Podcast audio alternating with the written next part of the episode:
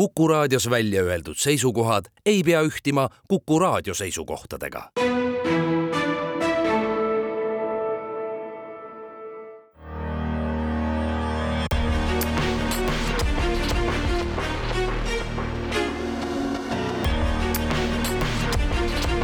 välismääraja.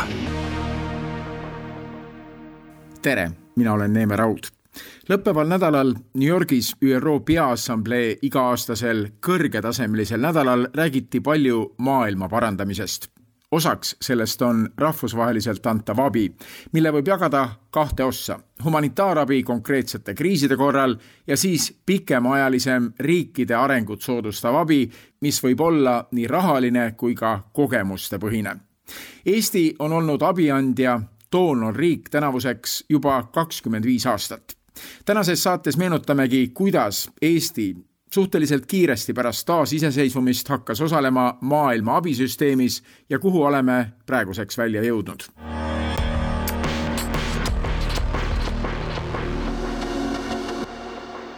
esimene ametnik, kes meie Välisministeeriumisse konkreetselt arenguabi teemaga tegelemiseks tööle võeti, oli Birgit Keert-Lepik. tema tööks saigi esimeste sammude astumine, et Eesti muuta doonorriigiks. Birgit Keerd-Lepik töötab nüüd Riigikogu väliskomisjonis, aga meenutame. mina tegelikult läksin Välisministeeriumisse esimese avaliku konkursi kaudu, mis oli üheksakümne kuuenda aasta lõpus.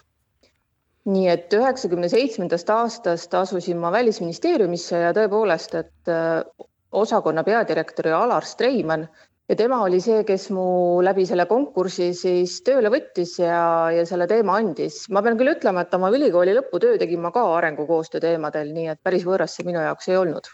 ülikool oli selline tore ülikool nagu Concordia rahvusvaheline ülikool Eestis ja esimene lend ja kuna tegemist oli Ameerika ülikooliga Eestis siis seda lääne mõtlemist ja lääne ideid oli seal küllaga, et sellepärast ka ma sinna arengukoostöö juurde ise jõudsin. arengukoostöö, kuidas seda sel ajal õpetati, räägiti, kuidas see nägemus sel ajal maailmas oli, see oli üheksakümnendate aastate teine pool, maailm oli optimismilaines, et külm sõda on läbi ja nüüd saab uusi asju rajada. kuidas see arengukoostöösse suhtumine tollal oli? no eks ta sellest kantud oligi, optimism, see väärtuspõhisus ja väärtuspõhine välispoliitika, et äh, sellest see alguse sai sai. nii, ja siis Välisministeeriumis anti kohe see valdkond, enne sellega ei olnudki meie Välisministeeriumis eriti tegeletud? no täpselt, uus laud loodi ja mina selle sain.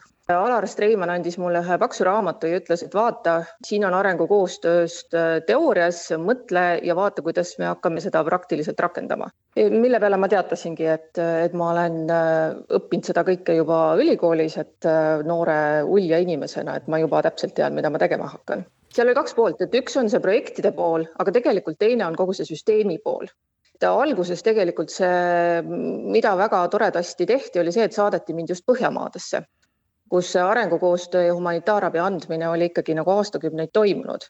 et vaadata, millel põhineb nende see abi andmine, mis on see nii-öelda riigipoolne alusdokumentide süsteem, mis on see, mida alguses üldse peaks tegema selleks, et hakata abi andma ja teine pool on siis seesama projektid, mida alguses Välisministeerium ja tegelikult päris pikalt ju ise ka ellu viis, mis tänaseks on antud sinna Rahvusvahelisse Arengukoostöö Keskusesse. ja väga võrdselt, et Põhjamaades ka, mis on need dokumendid, mis on põhimõtted, mida peab tegema, kuidas rahad liiguvad ja nii edasi ja nii edasi, mis on rahvusvahelised kohustused et seda sai alguses ikkagi esimestel aastatel väga palju tehtud. nii et see ei ole niisama lihtne, et Välisministeerium Eesti otsustab, et me hakkame nüüd osalema, see on ikkagi väga suur globaalne süsteem, kuhu me sisenesime absoluutselt, alguses selgeks teha endale põhimõtted, noh täna need, kes tegelevad selle valdkonnaga, siis OECD põhimõtted kõigile tuttavad, alates sellest, et millistele riikidele saab anda ja mis on abikõlbulikkus üldse. põhimõte on selles, et kui rikas või vaene riik on, ehk et pigem kui vaene see riik on, seal on erinevad kategooriad, seal on erinevad indeksid, mille põhi, põhjal need kategooriatesse jagatakse, neid vaadatakse iga-aastaselt üle ja tänase päevani kehtib ju see süsteem selles mõttes, et äh, kui Eesti raporteerib, et me anname nii palju abi, siis see põhineb sellel kriteeriumil, et mida saab üldse abiks lugeda. ja noh, teistpidi jälle ka riigi sees, äh, me olime ju riigina saanud abi teistelt riikidelt et nüüd seda nii-öelda teisipidi keerata, et samal ajal ise riiki üles ehitades, aga vaadata juba ka sinnapoole, et kuidas me teisi toetada saame. no ilmselt, kuna me hakkasime Euroopa Liitu pürgima sel ajal väga aktiivselt, siis oli see õhus, et me peame hakkama ka käituma Just. nagu Euroopa riik. no täpselt, ilmselgelt ikkagi vaadatakse äh, alguses äh, lähemale, et Eestil ju sellist Aafrika kogemust riigina väga suurt ei ole olnud, ei saa öelda, et üldse ei ole, kui me läheme sinna missionäride aega ja, ja minevikku nagu kaugemale. aga ikkagi, et, et lähemasse piirkonda, kus seda vaesust ju jagus ka, et olgu see siis noh, meie need nii-öelda lähemad riigid siin Ukraina või, või Moldova, aga, aga alguses ma vaatasin ise ka mälu värskenduseks, et seda humanitaarabi poolt oli päris palju üleujutuste likvideerimine Poolas või Tšehhis või siin oli ka Türgis maavärinad, kõik sellised asjad, mis lähevad ju selle humanitaarabi alla, kus on vaja koheselt suuremat jõudu reageerimiseks ja sellega ka Eesti siis alustas see know-how e-riigi kogemuse müümine, see tuli siis hiljem juba, kui Eesti sai näidata maailmale, et ta on midagi saavutanud? see tuli hiljem, samas see üks nendest äh, Ukraina esimestest projektidest, kus arvutiklassi ehitamine oli sinna äh, Tšernobõli katastroofi piirkonda, et, et noh, sealt hakkas see ikkagi nagu pihta, et tasa ja targu, et mis on need vahendid, millega saab seda tulevikku ehitada. seda panustamist ikkagi alustati ka kohe päris alguses. no tollel hetkel käis see süsteem ju selliselt, et iga kord saadeti valitsusse ettepanek ja valitsus siis otsustas nii seda konkreetset projekti teha kui ka raha anda reservfondist sest nii nagu praegu on eraldi rida riigieelarves ette nähtud, kui Välisministeeriumil näiteks panustavad küll paljud ministeeriumid, aga siis sellist asja ei olnud. et siis oli igakordne otsus Vabariigi Valitsuse poolt ja siit on näha ka just sellest esimestest aastatest, et enamus projekte on saadetud valitsusse Välisministeeriumist aga on ka erandeid, et siin Haridus- ja Teadusministeeriumi poolt on läinud hõimurahvaste hariduse omandamise toetamine Eesti kõrgkoolides. ja siis oli see Venemaa, see Ivangorodi projekt. see on tegelikult läinud Rahandusministeeriumist lugesin isegi, et mälu värskendamiseks ikkagi tegemist on kahekümne viie aasta taguste asjadega, et ähm, valitsus eraldas äh, siis aktsiaselts Narva Vesi poolt Ivangorodile esitatud kanalisatsiooniarve katteks raha ja seal oli see küsimus, et puhastusseadmeid hoida töös, sest vastasel juhul oleks need puhastusseadmed äh, lakanud töötamast ja see keskkonna ja muu probleem, mis sealt tekkinud oleks, oleks päris korralik olnud noh, mõjudega nii siia kui sinnapoole. märgiline, et andsime Venemaale toetust. nii on aga no tuleb ka arvestada, et tegemist oli üheksakümne kaheksanda aastaga, eks. kauaks sina jäid selle asjaga tegelema Välisministeeriumisse? kahe tuhande esimese aasta detsembris liikusin ma sealt ära, nii et viis aastat tegelesin. selleks hetkeks oli tehtud büroo, oligi, et ühest inimesest oli kasvanud büroo ja sealt ta läks edasi, et äh, alguses ka veel minu ajal oli Riigikogu otsuse ettevalmistus äh, arengu ja humanitaarabi põhimõtted, et kuskil oleks fikseeritud need asjad, millest me peame lähtuma selleks, et üldse abi anda. et seal on need humanitaarsed kaalutlused, ka riigi enda huvid ja kuidas siis need kokku panna, et mis on need põhimõtted, et see ei oleks selline ad hoc äh, otsus, vaid et sellel oleks kindlad alustalad aga ikkagi, kui mõelda üheksakümnendaid aastaid Eestis, need olid mm -hmm. väga rasked aastad ja siis hakata Just. rääkima sellest, et me anname nüüd kellelegi teisele veel ka abi, et ilmselt see ei olnud väga populaarne teema oi, väga õige küsimus. sellistele küsimustele pidi päris palju vastama, et kui annaks selle raha meie pensionäridele, et mitte ei jagaks kuhugi laiali. aga kui vaadata seda kogu summa suurust, siis see tegelikult oli nii pisku. nüüd ma küll ei julge oma mälule toetuda, et argument, mida me kasutasime ka, et see, kui see kõikide pensionäride vahel ära jagada, siis see summa tuli väga väike. tegemist oli krooniaeg ma pakun, et see olid mõned kroonid ainult, et see tegelikult oli väga-väga väike summa, kui vaadata seda suurt mastaapi. no siis saigi väita, et kui väljaspoole anname, siis sellel on ikkagi sümboolselt suur kaal, et me oleme juba rahvusvahelises koostöös Just. osa, eks. absoluutselt, et see on oluline, et me näitame ennast ka kui võrdväärse partnerina ja, ja tegelikult, et me saame aru, mis tähendab rahvusvahelises elus osalemine. et me ei ole ainult küüned enda poole või me ei vaata ainult, mis meil kodus toimub. rääkis Birgit Keert-Lepik välisabiga hakkas kohe Välisministeeriumisse tööle asumise järel tegelema ka Priit Turk, kes nüüd on meie suursaadik Singapuris. hiljutises intervjuus temaga läksime tagasi kahe tuhandendate aastate algusesse. ja mina liitusin Välisministeeriumiga kaks tuhat kolm, õppides Inglismaal Birminghamis, siis ma tõesti, ma õppisin arengumaade majandust. aga see oli juba see hetk, kus Eesti ise oli Euroopa Liidu liitumiseelses perioodis, me saime aru, et kuigi me Euroopa Liidu vahendeid loomulikult ja jätkuvalt tuleb Eestisse, siis selline klassikaline abi Eesti suunas oli juba ammu lõppenud, aga samas hakkas tekkima huvi äh, Eesti reformikogemuse vastu, see oli üks käivitav äh, mootor ja mis on jäänud tegelikult üheks fookusvaldkonnaks tänase päevani Eesti arengukoostöös, ehk siis meie sõbrad, ukrainlased, grusiinid, eh, Lääne-Balkani riigid, nad kõik tundsid huvi, kuna Eesti oli juba siis edulugu, et kuidas see, see kõik toimis, et, et seda kogemust jagada, et see oli üks käivitav faktor. otseselt me ei rääkinudki ainult rahalise või materiaalse abi andmisest, see know-how abi on ka ikkagi olnud oluline faktor. jaa, Eesti arengukoostöös on see alati olnud, et me oleme ikkagi jaganud oma kogemust ja enda lahendusi, et algselt ikka regioonis ja riikides, kus see on relevantsem.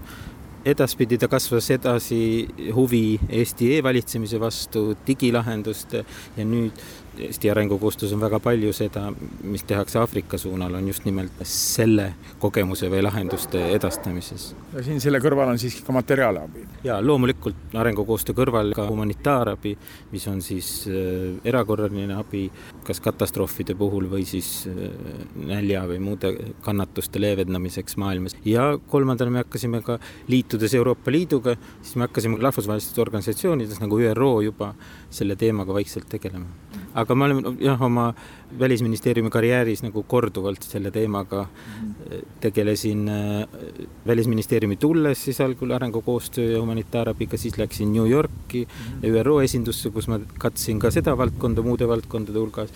ja siis tulles New Yorgist tagasi, siis ma vedasin seda bürood veel Tallinnast. eks see oli selline äh, nagu fännklubi oli meil väike, kes mm -hmm kes uskusid sellesse, et, et Eestil on midagi pakkuda.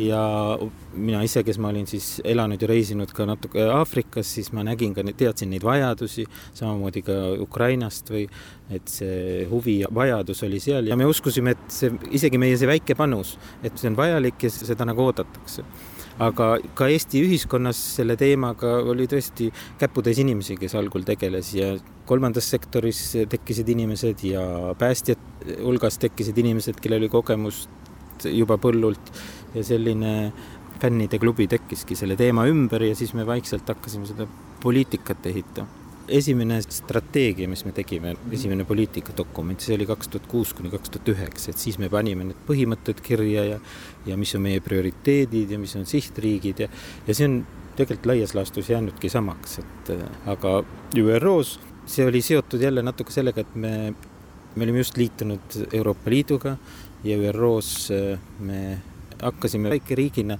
võtma võib-olla rolle, mis Tallinnast vaadates tundusid veidi ootamatud, aga ÜRO kontekstis on humanitaarabi koordinatsioon, mille resolutsiooni läbirääkimisi suursaadik Intelmann selle juhtis näiteks, need on ÜRO kontekstis äärmiselt olulised protsessid, kus me väikeriigina saime juba panustada ja Euroopa Liidu liikmesriigina meilt seda natuke juba siis ka oodati. et Eesti jõudis korraga Euroopa Liitu astumise järel nagu teise riikide kategooriasse.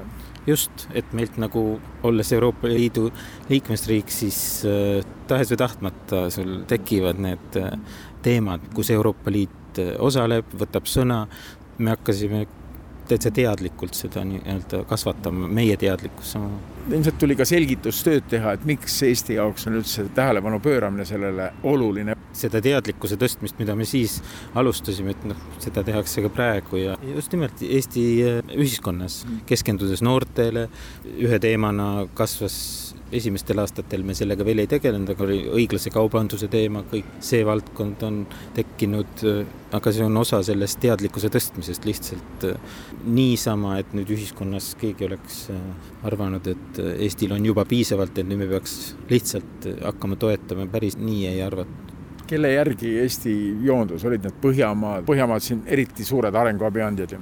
no just Põhjamaad ja noh, enamus Euroopa Liidu liikmesriike olid juba suured doonorid ja süsteemid olid välja kujunenud, summad olid suured, neil oli oma ühiskonnas palju MTÜ-sid, kes tegelesid, riigisektoris olid süsteemid olemas, et sealt noh, otseselt ei olnud meil midagi õppida, loomulikult me suhtlesime ja õppisime ka, aga tagantjärgi tundub mulle eriti, et ega me tegime palju põlve otsas tegelikult. me ju teadsime ka Eesti enda kogemusest, et mismoodi kedagi ikkagi aidata, nii et sellel mingi tulemus, sest Eesti lugu ju näitas ka, et ega alati see, mis tuli, et sellest kõige rohkem abi ei pruukinud olla või lihtsalt võttis aega ja, ja raha näiteks.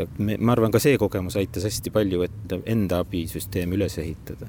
Ja jälle, nagu Eestis on ikka kõik luuakse ka inimlike kogemuste põhjal, et tõesti Mati Raidma ja Riina Kuusik ja sellised inimesed, kes kõik omasid praktilist kogemust põllult, kõikide nende kogemus ja, ja panus tegelikult, see oli see alus, mille peale me tegelikult ju ehitasime. mingid mõõdikud olid ka kohe, et lihtsalt niisama ei tehtud seda asja?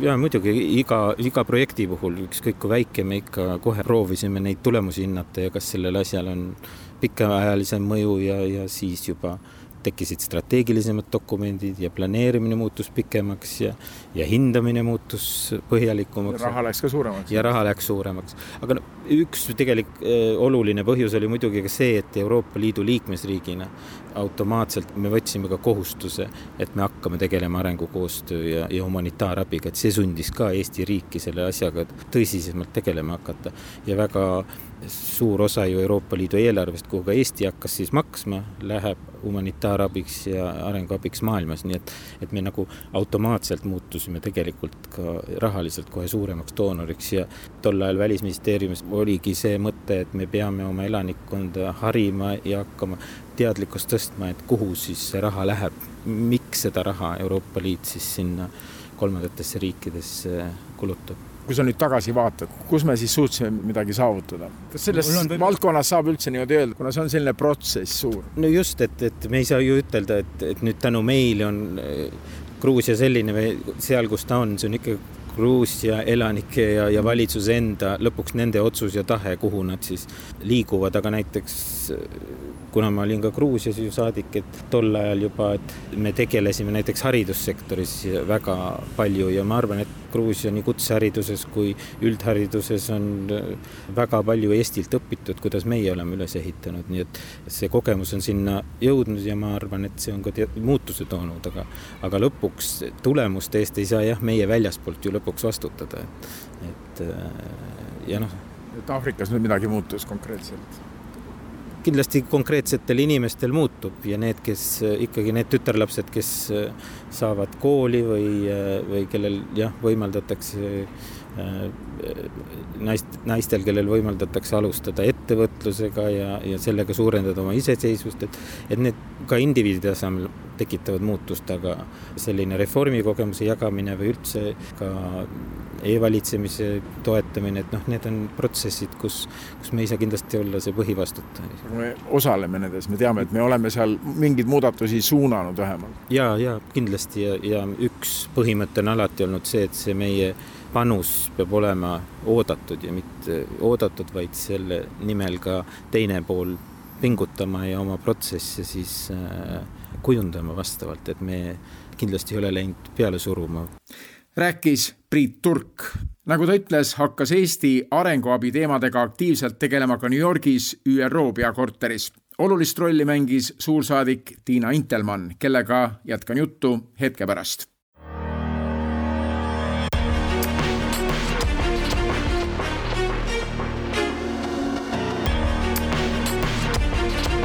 välismääraja.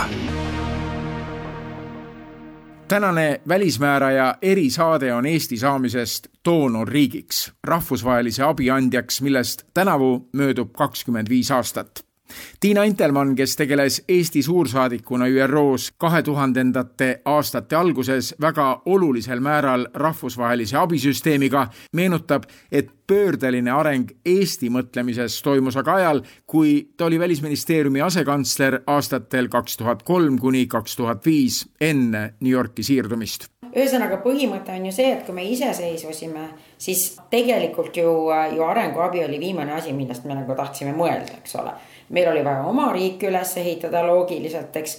aga samas oli selline ikkagi nagu suunitlus või selline mõtlemine, et me ise ei taha saada nagu väga palju seda arenguabi, et kui ÜRO agentuurid tahtsid siia tulla ja anda abi, me ütlesime, et ei, ei, ei. me taastasime oma riigi ja me püüame ikkagi nagu omade jõududega ja ajada oma asja, noh nagu sihuke eestlase sihuke visadus ja, ja vinskus, eks ole ju. aga siis tasapisi, vaat kui me hakkasime Euroopa Liiduga läbirääkimisi pidama ja siis ütleme niimoodi, et me olime juba jõudnud päris kaugele ja vaata, siis oli see Gruusia rooside revolutsioon kaks tuhat kolm, vahetult enne seda, kui meie liitusime Euroopa Liiduga. ja see sai selliseks noh, nagu minu mäletamist mööda selliseks väga suureks tõukeks, kus tegelikult tekkis ka sihuke väga suur poliitiline surve nagu, nagu poliitikud nagu Mart Laar ja teised ütlesid, et noh, et Eesti peab nüüd astuma järgmise sammu kvaliteedi mõttes ja hakkama ise doonoriks, hakkama aitama ja andma oma, oma reformi kogemust tänu sellele, et, et oli selliste nimekate poliitikute selline üksmeel, siis ma usun, et, et siis, siis meil õnnestus ka ametnikkond ja, ja kogu see ülejäänud struktuur nagu pöörata selles suunas. Ja loomulikult ei tohi unustada ka seda, et üks asi on see, et noh, et me rääkisime Euroopa Liiduga läbi ja Euroopa Liidus arenguabi on üks teemadest, eks ole, ja, ja, ja see tasapisi tuli see arusaamine, et me peame oma raha hakkama jagama ka, et ei ole nii, et ainult iseendale hoiame, et hambad ristis ehitame oma riiki üles. aga teine asi muidugi ka see, et ka näiteks meie lähemad partnerid nagu USA hakkasid ütlema, et noh, et ei saa olla noh, nii, isekad, et teil on nüüd reformi kogemus olemas aga noh, samas on, on terve hulk kasvõi nagu endise Nõukogude Liidu riike, mis tegelikult võiksid nagu saada kasu teie reformi kogemusest. ja ameeriklased käivitasid sellise protsessi, mille nimi oli e-pine, noh nagu, nagu regulaarsed kokkusaamised, kus siis me kõik rääkisime, mida me teeme nende idariikide suunal. ja just mõte oligi see, et hakake oma reformi kogemust andma edasi nendele riikidele, kus, kus asjad ei ole veel piisavalt hästi nii et tuli see meie lähematelt partneritelt nagu USA, tuli see Euroopa Liidust ja toimusid siis ka sellised väga-väga radikaalsed sündmused nagu Gruusia, mis andis lootust tegelikult. et ka need riigid, mis Nõukogude Liidust nagu on, on tulnud, nagu ka meie, eks ole, olime, elasime koos seal Nõukogude Liidus, et äkki algavad seal ka sellised väga radikaalsed muutused ja tegelikult võib-olla see meie see, see kogu see arenguabi loogika, millal me hakkasime ennast ehitama, tulenebki sellest mõtlemisest, et mis siis on tegelikult vaja, et riik oleks edukas. selleks on vaja kaasavat riigi valitsemist, demokraatiat, eks ole, meil on endal see reformi kogemus. ja seda anname, et, et kõik see digitaliseerimine, korruptsioonivastane võitlus ja kõik see teisest küljest, mida me ka oleme väga palju surunud eh, ikka läbi aastate, on haridus ja fookus haridusele ja, ja see, et, et kõik saaksid koolis käia, sest noh, me teame, et Eestis ju tegelikult on, on haridustase väga kõrge. ja me oleme kõigis nendes PISA tabelites väga, väga kõrgel kohal ja, ja ikkagi noh, nagu meie arust, kui sa annad inimestele hea hariduse, siis, siis neil on nagu tee valla. kuidagi siis sealt hakkasid need asjad liikuma, aga kui me siis jõuame nagu selle ÜRO teema juurde. ÜRO on sihuke suurem struktuur, eks ole, tegeldakse sõdade, hädade, viletsustega, kõigiga nagu humanitaarkatastroofidega ja siis ka arenguabiga hästi palju. et siis oligi nagu kaks tuhat neli, kaks tuhat viis, kaks tuhat kolm, siis kui me saime aru, et me peame ise hakkama abi andma ka siis ikkagi oli küsimus, et mis nagu seisukoha me võtame seal ÜRO-s. suur projekt siis? E, ma läksin vist kaks tuhat viis läksin sinna, et kuidas me hakkaksime ÜRO-s raha andma, et see tundus nagu ikkagi, et ütleme nagu, nagu valija Eesti, Eesti valija, Eesti elanikkond ei oleks sellest ikkagi nagu aru saanud. sest ütleme, üks asi on see, kui sul on Euroopa Liidus raames mingi kohustus seal teha midagi või sa oled endale võtnud mingisuguse kasvõi aukohustuse, eks ole. aga jah, et kuidas sa ÜRO sealt lähed lihtsalt raha külvama sinna ja siis me alustasime tegelikult humanitaarabiga, katastroofiabiga, hakkasime sinna andma raha. aga siis oli niimoodi, et Mati Raidma läks sinna nagu ka päästemeeskondadesse ja hakkas seal tegema asju. ja siis me hakkasime jah läbi ÜRO andma kõigepealt katastroofiabi. kogu see ÜRO teema oli kuidagi Eesti valijale väga, väga kauge ja keegi ei, ei teinud mingeid seoseid, ei suutnud luua Euroopa Liit, ÜRO, NATO, kuidas see rahvusvaheline kogu see keskkond kokku läheb, eks ole. selle kaudu äh, siis kuidagi ikkagi nagu Eesti inimesele toodi kogu see ÜRO temaatika äh, lähemale. ja siis hiljem me hakkasime ka tegelema siis otseselt arenguabiga, sest noh, katastroofiabi on ikkagi inimesel on ju mingi empaatia, kui on mingi katastroof, siis noh, siis on okei okay anda abi, eks ja siis tasapisi, mis puudutab nüüd seda nii arenguabi kui ka tegelikult nagu kriisiabi, on see, et et sa saad ju oma tegevusega ka panustada, nii nagu Mati Raidma läks sinna päästemeeskondadesse. nii täpselt samamoodi ka seal arenguabis, siis me hakkasime ÜRO-s, hakkasime võtma selliseid rolle, juhtrolle mingitel läbirääkimistel. olime näiteks eh, teise komitee eesistuja, teine komitee, ÜRO teine komitee tegeleb arenguabiga ja tegeleb kliima ja noh, kõigi nende küsimustega, eks ole. mis oli ka noh, selles mõttes nagu imelik, et, äkki ma ei mäleta, kas kaks tuhat viis või mis, mis ma seal olin eesistuja, et eh, mis teema see veel on, eks ole, et miks see, see on ju imelik teema. aga noh, ei ole nii imelik, sellepärast et arenguabi on on ka, no sa pead ju aru saama, kuidas seda antakse, miks seda just nii antakse, nagu seda antakse, praegu on ju väga eh, tähtsad küsimused on meil, me ise nüüd Eesti-siseselt seoses Ukraina sõjaga mm. oleme hakanud endalt küsima, et kuidas tegelikult, mis meetodite järgi peaks arenguabi andma. et kritiseerida oleme me ju kõik osanud ju, et oh, et nemad seal ei tea või Euroopa Liidus nad ei tea või ÜRO-s nad ei tea, midagi nad ei tea, eks ju. aga nüüd me oleme ise sattunud konkreetsete näidete varal, no nagu oleme pidanud endalt küsima, et mis on see õige viis siis ikkagi anda. et lihtsalt ei anta niisama. just, et lihtsalt ei anta niisama, et selleks on oma protsessid ja protseduurid. sellepärast, et kui sa annad niisama, siis ta võib ka ära kaduda, eks ju. nii et siis me hakkasime võtma seal rolle ja siis olid, vanasti olid veel selline asi oli nagu aastatuhande arengu eesmärgid. siis me juhtisime seal seda töögruppi, mis, mis tegeles äh, AIDSi äh, vastu võitlemisega selles mõttes, et, et võimalikult paljudele inimestele anda viirusevastast äh, ravi. püüdsime näidata ka noh, tegudes oma tööpanusega, et need teemad on meile tähtsad ja täpselt samamoodi see naiste olukord, eks ole, UN Womeni asutamine kõik see. et loomulikult nagu reaalses rahas, isegi kui per capita on võib-olla see raha olnud suur või meie jaoks märkimisväärne. noh, reaalses rahas me, me mitte kuidagi ei jõua nagu, nagu kuhugi nagu maailma esiplaanile, aga samas nagu, kui sa paned oma tööpanuse sinna, siis, siis seda hinnatakse. ja, ja noh, ma usun, et, et praegu enam ei ole ju kuskil enam sellist küsimust, et miks peaks me arenguabi andma või kuidas või noh, loomulikult on sihukest urgitsemist ja, ja et oh, et mis nad seal teavad või mis või, või kuidas. aga noh, nii Ukraina sõda kui nagu erinevad looduskatastroofid kui ka praegu Eesti vaatab väga tugevalt ju ka Aafrika suunas ja noh, meie maailmapilt kogu aeg avardub. aga ma usun jah, et need, need aluspõhimõtted, mis meil on olnud, et see selline noh, nagu demokraatlik riigivalitsemine korruptsioonivaba riigi valitsemine ja haridus muuhulgas. et need on ikkagi jäänud nagu väga tugevateks põhimõteteks, et näiteks äh, paljudes riikides või, või noh, nagu, nagu ka ÜRO-s ja, ja paljud arenguabi andjad usuvad näiteks, et kui sa annad inimestele lihtsalt nagu sularaha, siis see inimene paneb selle sularaha täpselt sinna kohta, kuhu on vaja ja võib-olla isegi natukene investeerib ja, ja jällegi meil ei ole sellist sularaha andmise eh, asja väga, see ei ole nagu meie teema. Olnud, aga on osad andjad, kes lihtsalt usuvad, et see sularaha ongi see võti, et sa lähed ja annad sularaha või noh, näiteks teised näiteks usuvad mikrokrediitidesse et sa annad äh, mikrokrediidid ja siis inimene alustab oma väikest ettevõtet, maksavad tagasi, et see on väga hea asi. või nagu kogu Rootsi, eks ole, nagu arenguabipoliitika on siin viimased aastad nende eelmise valitsuse ajal olnud kõik suunatud naiste õigustele. et kui me naiste õigusi edendame, naised saavad nii poliitikas rolli kui ka, ka sündimuskontroll ja kõik see, et see siis lõpuks viib nagu ühiskonna täiesti teisele arengutasemele.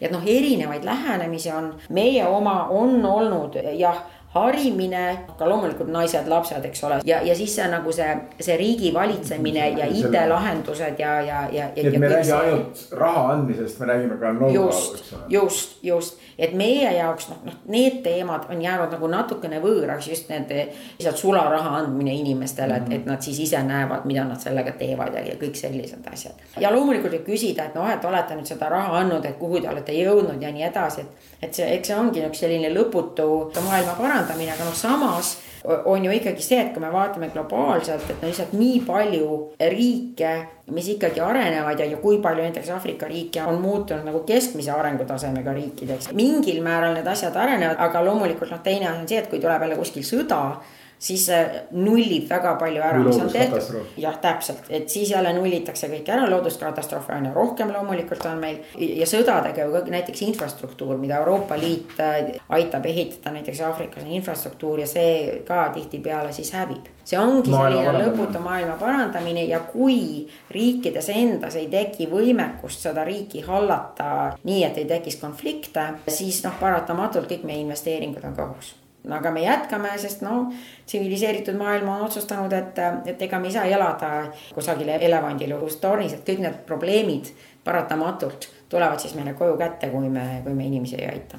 rääkis Eesti endine suursaadik ÜRO-s Tiina Intelmann, kelle viimane diplomaatiline lähetus oli Euroopa Liidu suursaadikuna Somaalias milline näeb välja tänane päev Eesti kui abiandja jaoks? hetke pärast jätkame sellest Marin Ratniku, Välisministeeriumi välismajanduse ja arengukoostöö küsimuste asekantsleriga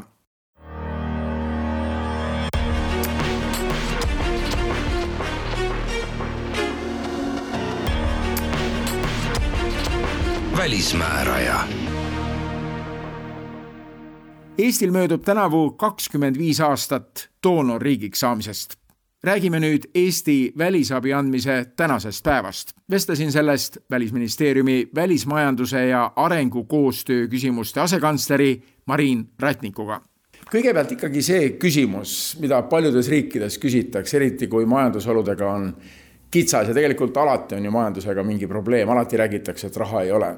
et miks see maailma parandamine siis ikkagi nii oluline on, kui riikidel endal oma kodanike elujärje jaoks ei ole raha? Ja Eestis need arutelud käivad ju praegu, et mida meie inimestel jääb siis nüüd saamata tänu sellele, et Eesti on otsustanud õilsalt maailma parandada? ma arvan, et Eesti inimesel ei jää mitte midagi saamata, et nagu sa õigesti ütlesid, et raha ei ole kunagi piisavalt. sellepärast on meie ülesanne riigina, kes me oleme tegelikult väga edukad. me oleme oma taasiseseisvumisest saadik, ikkagi meie majandus on kasvanud, meie heaolu on kasvanud niivõrd palju et meie vastutus ja kohustus on toetada teiste riikide arengut, et nad oleksid samal tasemel, sest lõpptulemusena, mida rohkem me toetame neid riike, kes seda täna vajavad, me räägime arengukoostööst, siis siis sellest tulenevalt kasvab ka meie enda heaolu, kasvab ka meie enda julgeolek. Need on olulised aspektid. Birgit Keet rääkis just, et samasugune debatt tekkis ka siis, kui Eesti hakkas kakskümmend viis aastat tagasi arenguabi andma ja siis arvutati välja, et iga pensionär oleks saanud ühe või kaks krooni rohkem, kui need arenguabisummad oleks ära jagatud siin Eestis. ma arvan, et selles ei ole nagu midagi muutunud selles mõttes, et aga täna lihtsalt on, me oleme kakskümmend viis aastat tänaseks arengukoostööd teinud, ma just rõhutan, see on arengukoostöö, et Eesti on lähenenud sellele mida paljud nimetavad kas arenguabiks või mingiks muuks mehhanismiks, me nimetame seda koostööks, sellepärast me oleme alati lähtunud printsiibist, et me teeme koostööd nende riikidega, kes tahavad seda meiega teha ja valdkondades, kus meil on teadmine ja kogemus, et me ei lähe pakkuma midagi, mida me ei oska või mida me peame koos leiutama hakkama. et noh, see koostöö element on siin hästi oluline vahepeal tundus, et Eestis oli lausa järjekord ukse taga Eesti ministeeriumides ja ametiasutustes, mis tegelesid IT ja digiriigiga. tuldi vaatama, et kuidas me siis oleme saavutanud seda, mida oleme saavutanud, sooviti abi ja Eesti pidi hakkama tegema valikuid, sest kõiki ei saanud lihtsalt aidata. kas see järjekord on seni ukse taga? Eesti digiriik või digiühiskond on jätkuvalt äh, tõmberumber, et äh, igal pool maailmas, aga me võib-olla oleme liikunud rohkem sellelt, et me ise riigiametnikena või ekspertidena, kes töötavad riigiasutustes, käime ja räägime me oleme liikunud sellest, et me kaasame Eesti ettevõtjad, sest kogu Eesti digiriik on ehitatud üles ju koostöös ettevõtjatega, Eesti eksperdid kuskil ministeeriumides ei ole need, kes seda üles ehitanud, ikka koos ettevõtjatega. ja sama loogikat me pakume siis ka arengukoostöös, et me, me läheme arengukoostöö kontekstis, avame uksi, pakume võimalusi, aga pakume seda siis koos Eesti digiettevõtjatega, kes kasutavad seda platvormi, aeg-ajalt pakuvad nad siis mõnda aega tasuta nendele ettevõtetele koostööd ja nii edasi, et see käib käsikäes. kuidas on Eestis nüüd jagatud Välisministeeriumi ja uue STV-i, noh, suhteliselt uue Eesti Rahvusvahelise Arenguameti vahel siis see abi jagamine, koostöö koordineerimine, ütleme nii? Et see on jagatud samal põhimõttel, mis on teistes maailma riikides, kellel on olemas arengukoostöö agentuur. Ehk äh, Välisministeerium äh, teostab poliitikat ehk äh, ütleb, mida me teeme, kus me teeme ja kuidas me teeme ja STV viib seda ellu lähtuvalt nendest printsiipidest. Slava Ukraini ümber puhkenud skandaal näitas, et tegelikult on abi andmine ikkagi omamoodi teadus, et nii, et me kodanikult kodanikule saadame abi, hea tahtega inimesed saadavad abi Ukrainasse, et nii see tegelikult ei toimu, siin tekibki oht, et abi satub kuskile mujale. abi andmine ei ole niisama lihtne ei, ta ei ole alati niisama lihtne, peab olema läbipaistev, see on see riigi poliitika, et äh, Slava Ukraini oli eraalgatuslik ettevõte samamoodi ka need vajavad tegelikult läbipaistvust, et äh, Eesti riik äh, kasutab arengukoostööks, humanitaarabiks riigieelarvelisi vahendeid. ehk loomulikult meile kehtivad väga selged reeglid, kuidas me seda anname, kus me seda kasutame ja raporteerides ka sellest, kuidas seda kasutatakse ja samas vaadates maailma, abi andmisest on saanud omamoodi no majandusharu, neid organisatsioone, mis tegelevad väga suures mahus abi andmise ja koordineerimisega on niivõrd palju. kui Eesti on abiandja, siis ta teeb koostööd ka paljude selliste suurte rahvusvaheliste organisatsioonidega, nagu Punane Rist tuleb kohe meelde. ja me teeme koostööd väga laiahaardeliselt, et äh, siin on kaks poolt, et me anname osaliselt äh, humanitaarabi andmisest räägime siis äh, läbi rahvusvaheliste organisatsiooni, läbi ÜRO erinevate kehandite ja me teeme seda põhjusel, et me ise ei ulatu sinna, meil ei ole ligipääsu, näiteks noh, võtame viimase aja siin katastroofid, Maroko maavärin või Liibüas suured üleujutused, et me ei ulatu sinnani seda ise tegema, meil on lihtsam ja kindlam teha seda läbi rahvusvaheliste organisatsioonide. aga samas meil on humanitaarabis omaenda strateegilised partnerid, kes on Eesti koostööpartnerid, me räägime siin pagulasabist, Mondost, Päästeametist ja Terviseametist, läbi kelle ja koos kellega me teeme siis nendes piirkondades, kus neil on ligipääs, anname humanitaarabi, näiteks Ukrainas kuidas on jagatud nüüd see tasakaal humanitaarabi andmise vahel, kui tõesti toimuvad suured kriisid ja on vaja leevendada neid kannatusi ja siis pikaajalise arenguabi, arengukoostöö vahel? No siin ongi oluline aru saada, et need on selles mõttes, nende põhimõtted on väga erinevad, et humanitaarabi ongi selleks, et leevendada kiireloomuliselt äh, tekkinud kriisi ja päästa elusid.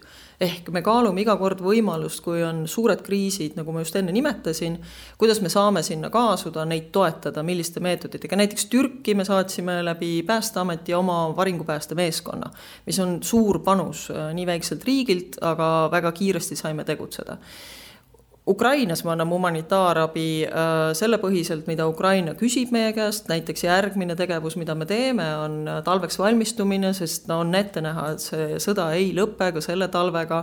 ehk me siis äh, kutsume meie strateegilisi partnereid, keda ma enne nimetasin, pakkuma välja, mida nemad suudavad teha selleks, et ukrainlasi toetada, on see siis kas kütuse äh, varumine, generaatorid, rahapõhine abi või muud sellist ja teine pool sellest äh, on siis arengukoostöö, mida tehakse just nimelt, nagu sa ise ka enne ütlesid, äh, pikaajalised, ehk me otsime neid projekte äh, ja neis riikides, kus meil on olemas teatud koostööpõhi, meil on tugevused ja nendes valdkondades, mida me siis tunneme, digi, haridus, demokraatia ülesehitamine, naiste võimestamine ja nii edasi.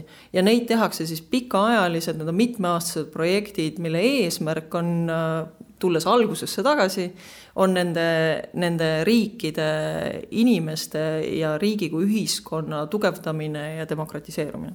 Eesti on keskendunud, vaatan siit kahepoolses koostöös hetkel seitsmele prioriteetsele riigile, millest kolm on Euroopa Liidu idapartnerluse piirkonnas Ukraina, Moldova ja Gruusia ja neli Aafrikas Keenia, Namiibia, Uganda ja Botswana. miks just need riigid? Need ongi sellepärast, et äh, näiteks Ukraina, Gruusia ja Moldovaga on meil väga pikaajaline koostöö. ma arvan, et Ukraina oli esimene, kellele me üldse kunagi abi andsime äh, kakskümmend viis aastat tagasi ja nad on meie prioriteetriik, kui ma ei eksi, alates kahe tuhande kaheksandast aastast alates.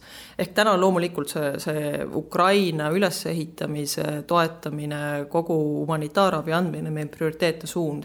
sama kehtib ka Moldova ja Gruusia äh, suhtes, kus me oleme pikaajaliselt nende koostööd teinud äh, ja nad on ka riigid, keda me päris hästi tunneme, nende, nende vajadusi ja meil on väga head suhted nendega.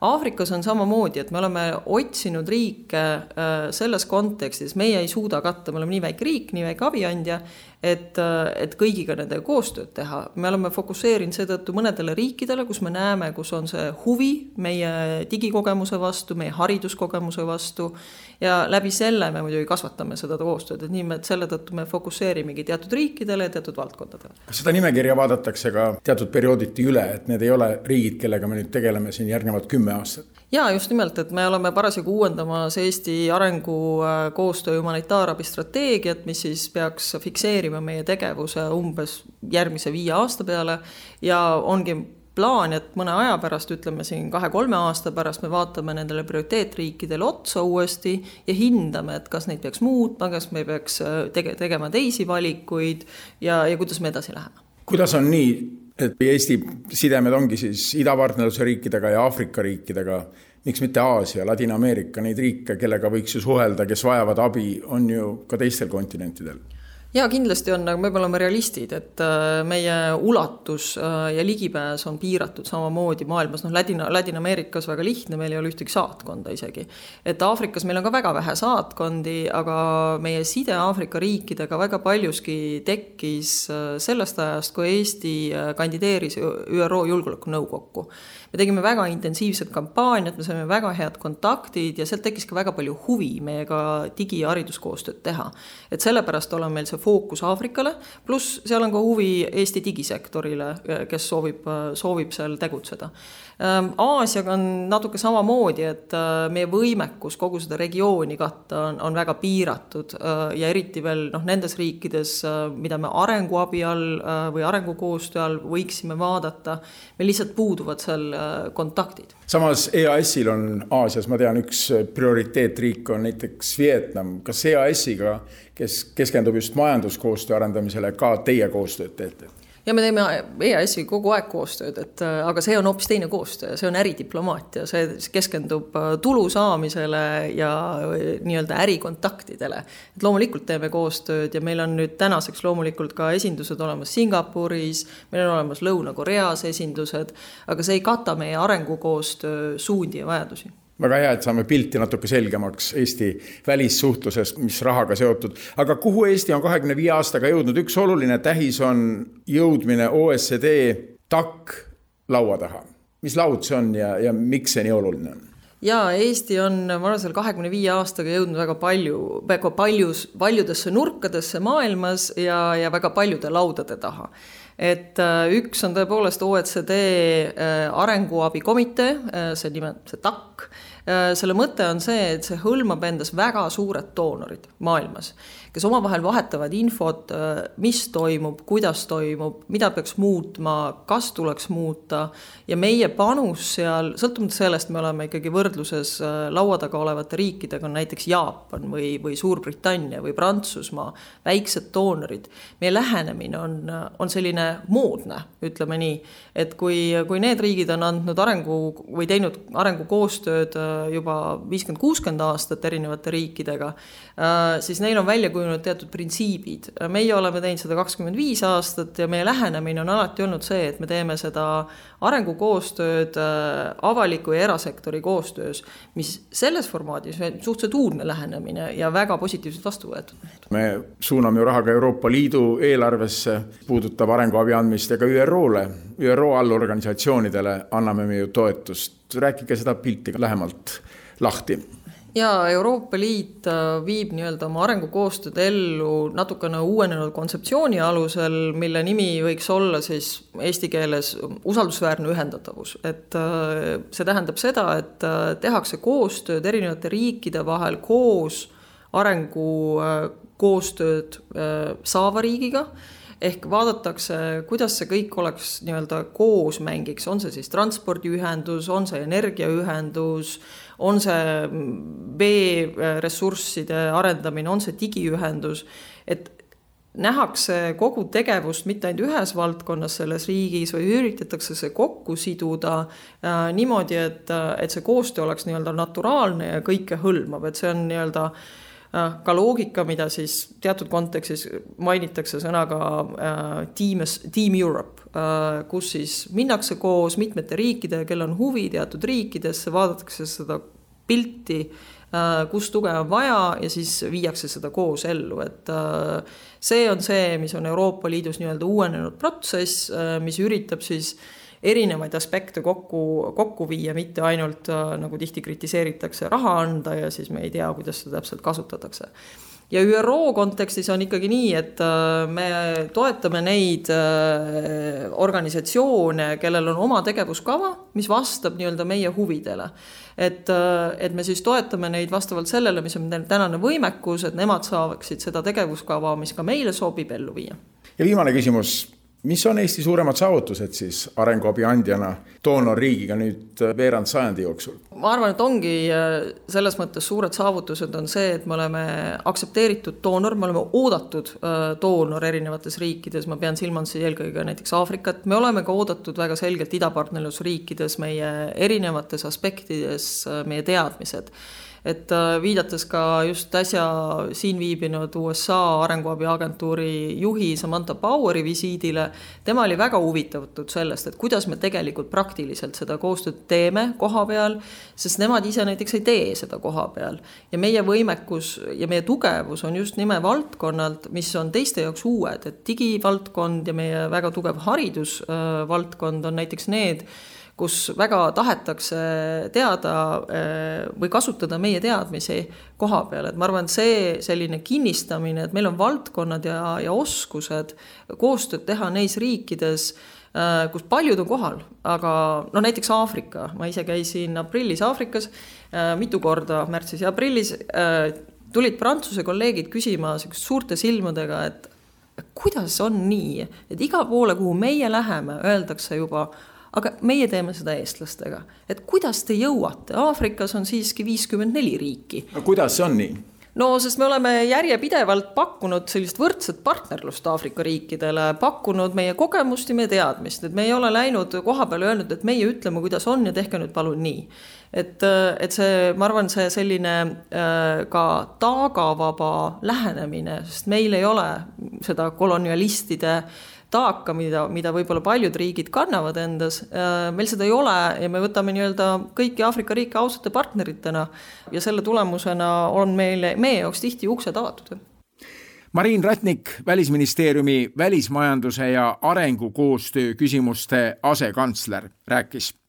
välismääraja saateaeg ongi tänaseks ümber. mina olen Neeme Raud, kena pühapäeva